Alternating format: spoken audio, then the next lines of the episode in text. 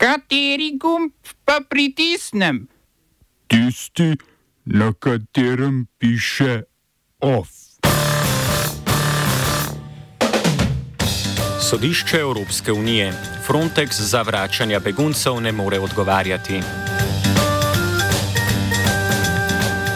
Šov parlamentarne opozicije v Srbiji. Padajo selektorji nogometašic, po slovenskem še španski. Jušiču prosta pot do polnega mandata na čelu policije.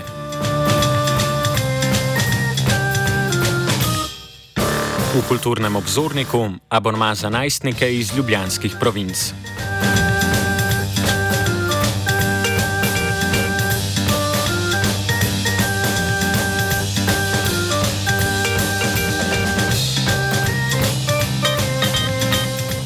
Sodišče Evropske unije je odločilo, da Evropska agencija za mejno in obaljno stražo, znana kot Frontex, ni pristojna za presojo utemeljenosti odločitev o vrnitvi ali prošen za mednarodno zaščito.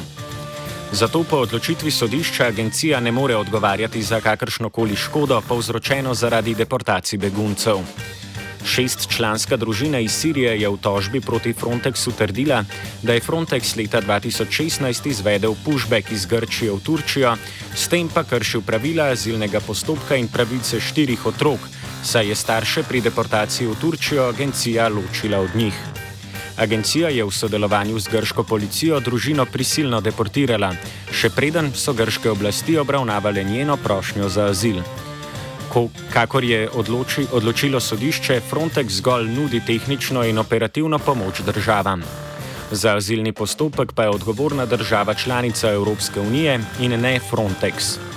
V nizozemski odvetniški pisarni Praken d'Oliveira, ki je zastopala tožnike, menijo, da sodba kaže luknjo v odgovornosti Frontexa, zaradi katere agencija ne more odgovarjati za lastna dejanja.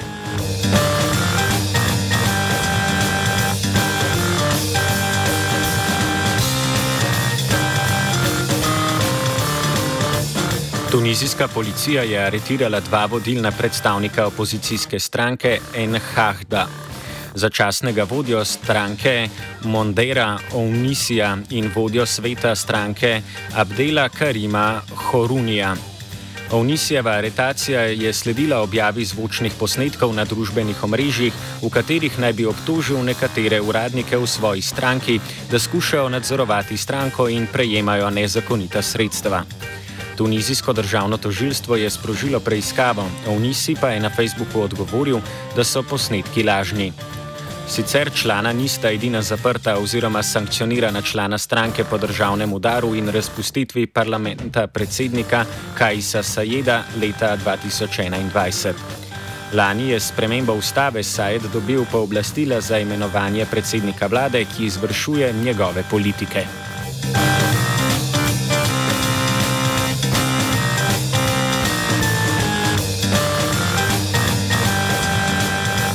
V srpskem parlamentu so poslanci opozicije z žvižganjem in protestiranjem obstruirali sejo, na kateri je vladajoča koalicija za novega kmetijskega ministra potrdila Slobodana Cvetkoviča iz socialistične stranke.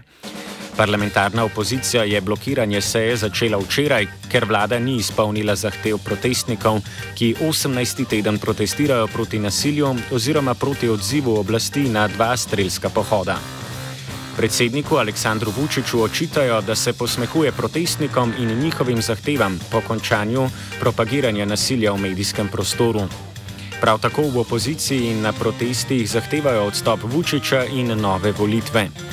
Poslanec opozicijske zeleno-leve fronte Radomir Lazovič je dejal, da bodo sejo parlamenta blokirali, dokler ne dobijo odgovora Vučića o razpisu predčasnih volitev.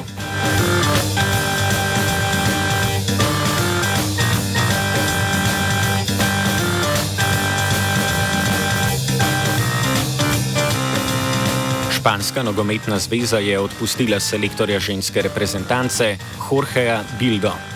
Službo je izgubil skoraj tri tedne potem, ko je na podelitvi kolajno ob osvojitvi naslova svetovnih prvak in predsednik nogometne zveze Luis Rubiales brez privoljenja poljubil reprezentantko Jenny Hermoso. Rubiales je obtožbe o tem, da, reprez da je reprezentantko poljubil brez privoljenja, zavrnil. Mednarodna nogometna zveza FIFA pa ga je suspendirala za 90 dni. Sicer pa to ni bilo prvič, da so španske reprezentantke kritizirale odnos Vilde in nogometne zveze.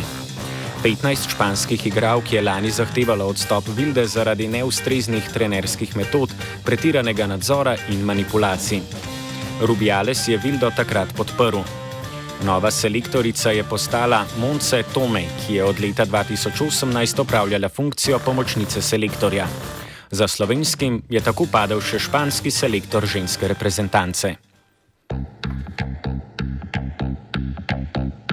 Smo se osamosvojili, nismo se pa osvobodili.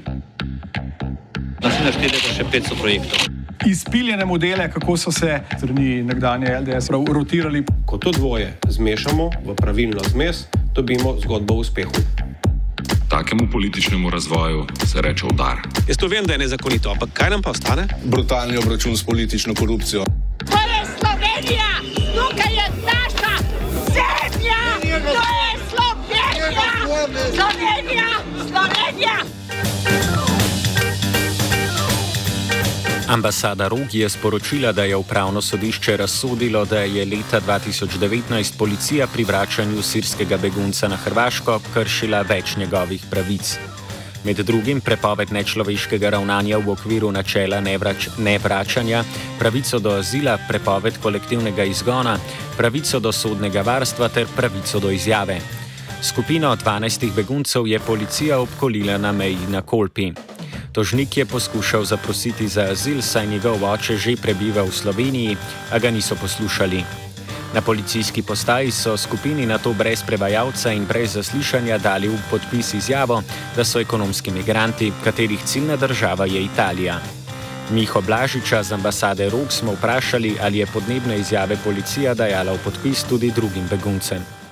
Problem je, da je zelo težko te prakse dokazati, ne, zaradi tega, ker redko kdaj dobiš uh, izjave od večjih ljudi v isti skupini hkrati. Ker potem, ko so enkrat deportirani, seveda se stik z ljudmi izgubi ne, in je zelo težko pripeljati do te točke, da bi dokumente dal skupaj in, in, in v bistvu sploh pa spravil zadevo na sodišče.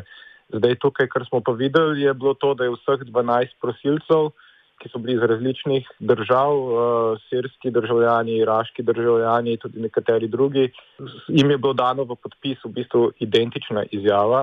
Policija pa niti ni razložila, kako je bil razgovor narejen, glede na to, da niso govorili angliškega jezika, nekako so rekli, da je bil to nekakšen skupinski intervju, ker so si pomagali s prevajanjem tistih prosilcev, ki naj bi bolje govorili angliško.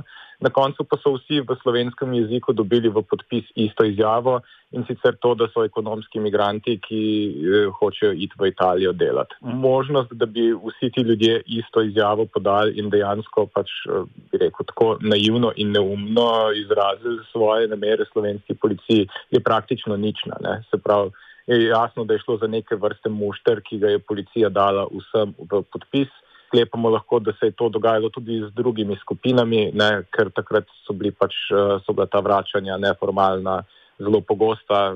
V tistih letih je več deset tisoč ljudi bilo na ta način vrnjenih in je jasno, da ni bilo individualne obravnave. Od slovenskih so skupino beguncev prevzeli hrvaški policisti in jo odgnali v smer Velike Kladuše na severu-zahodu Bosne in Hercegovine. Na ambasadi Rog pravijo, da sodba dokazuje, da je bila praksa nezakonitega izganjanja prosilcev za azil pod tedanjo vlado Marjana Šarca sistematična. Ministrstvo za notranje zadeve, ki ga je tedaj tako kot danes vodil Boštjan Poklukar, je storilo vse, da bi preprečilo organom preučevanje njihovega delovanja. Po deportaciji so ostali brez možnosti pritožbe, ob podani tožbi na sodišče pa je ministrstvo po trditvah ambasade Rok več let skušalo ustaviti postopek, med drugim sklicevanjem na neverodostojnost žrtve. Sodba po stališču nevladne organizacije dokazuje tudi, da je ministrstvo vedelo za sistematično kršenje pravic prosilcev na Hrvaškem, a jih je ignoriralo. Upravno sodišče je v sodbi navedlo večje število poročil, ki so pričala o zlorabah vrnjenih prosilcev, ter druga poročila slovenskih in tujih institucij, česar ne ministrstvo, ne policija nista upoštevala ter sta nadaljevala s postopki vračanja še naprej. O pomenu sodbe Blažič. Kot je znano, je v preteklosti tudi že uh, vrhovno sodišče ne, ugodilo kamerunskemu državljanu, ki je bil pač pushbackan na podoben način na Hrvaško. Eh, zdaj v tem primeru gre za še nekoliko močnejšo potrditev tega, kako je ravnala policija, ker gre namreč za sirskega državljana, ki je zagotovo zaprosil za azil in zagotovo ni izjavil, da je ekonomski migrant. Predvsem pa je uh, jasno to, da ima družinske člane v Sloveniji in je že poskušal se po uradni poti z njimi združiti. Se pravi, zelo jasno, da je bila ciljna država Slovenija in da je bil njegov namen vstopa azil. Ne. In vse to je policija nekako preslišala in v izjavo napisala nekaj povsem drugega in seveda v jeziku, ki ga prosilec ni mogel razumeti brez prevajalca sodba ni še pravnomočna, ministrstvo ima še možnost pritožbe na vrhovno sodišče, ampak lahko pa tudi deloma že sklepamo iz prejšnjih sodb vrhovnega sodišča v podobnem primeru, ne, da se bo verjetno držalo neke podobne sodne prakse kot ta, ne, ker je tukaj primer zelo jasen.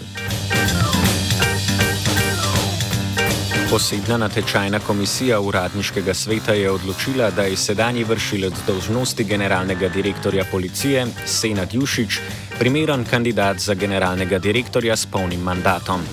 Pozitivno oceno je dobil tudi drugi kandidat Boštjan Lindav, končna odločitev pa bo v rokah ministra Boštjana Poklukarja. Lindav je predtem napovedal tožbo na upravno sodišče, če bo za generalnega direktorja policije izbran Jušič. Kot pravi, Jušič ne izpolnjuje formalnih pogojev za to delovno mesto. Sicer je bil Linda vršilec dolžnosti v času ministrice Tatjane Bobnar, namesto njega pa je za vršilca dolžnosti poklukar izbral Jušiča.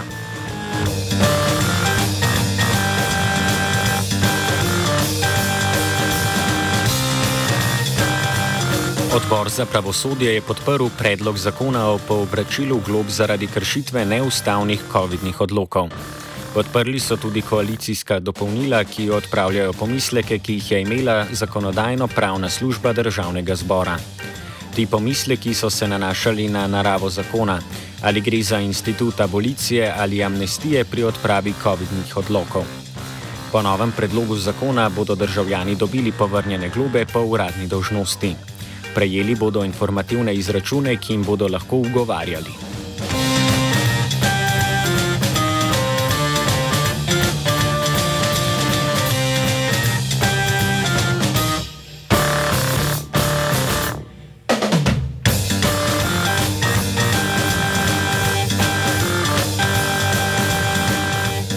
Generalni direktor statističnega urada Tomaš Smrekar je pojasnil razloge za razliko v oceni lanskoletne rasti bruto domačega proizvoda. Lanskoletna ocena urada glede rasti BDP-ja je bila 5,4 odstotka, po prvi letošnji oceni za lansko leto pa je bila rast 2,5 odstotna. Smrekar je pojasnil, da gre za revizijo ocene na podlagi novih podatkov. Glavna neznanka so bile lani cene energentov. Smekar je zanikal, da na izračune urada vpliva vlada ali kdo drug. Finančni minister Klemen Boštjančič je dejal, da jih na ministrstvu čaka nekaj dodatnega pojasnjevanja investitorjem in investicijskim bankam, kako je prišlo do razlike v ocenah. Ne pričakuje pa, da bi se zaradi tega kaj bistveno spremenilo glede stroškov zadolževanja Slovenije.